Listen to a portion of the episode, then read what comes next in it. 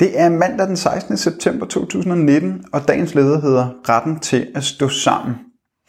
Støtten strømmer ind fra arbejdere over hele landet.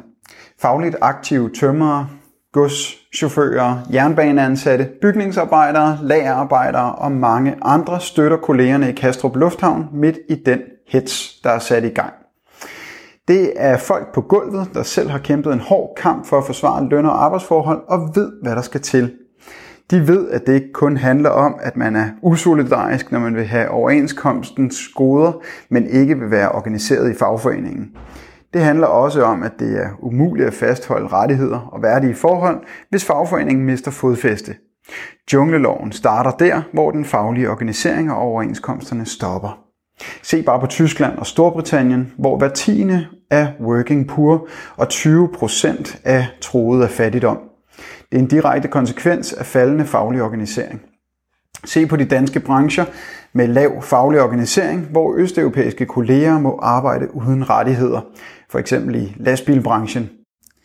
På mange byggepladser er der ikke noget frit fagforeningsvalg, for melder folk sig i en fagforening, ja, så bliver de sendt hjem. Strækken i Kastrup har fået meget omtale den seneste uge, og de fagligt aktive kaldes bøller, når de kæmper for friheden til at bestemme, hvem de vil arbejde sammen med og få retten til at stå sammen. Men hvor er rammeskridet, når firmaer tror ansatte med fyring, vold eller en enkelt billet til Polen, hvis de melder sig i en fagforening? Hvor er de forarvede røster fra Venstre og Liberal Alliance da? Der er utallige båndoptagelser, men det er ikke den frihed, de højreorienterede partier hylder. De hylder friheden til at ødelægge solidariteten.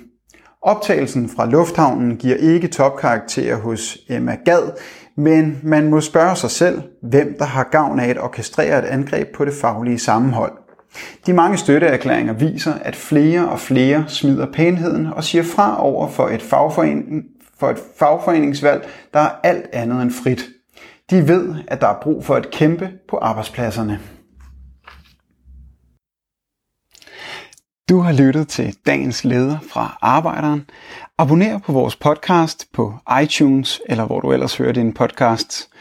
Du kan også klikke ind på arbejderen.dk for meget mere journalistisk indhold. Du er også velkommen til at følge Arbejderen på Facebook, Instagram eller Twitter, samt tilmelde dig Arbejderens daglige opdatering på Messenger. Vil du i kontakt med Arbejderens redaktion, kan det ske ved at sende en mail til redaktion Tak fordi du lyttede med.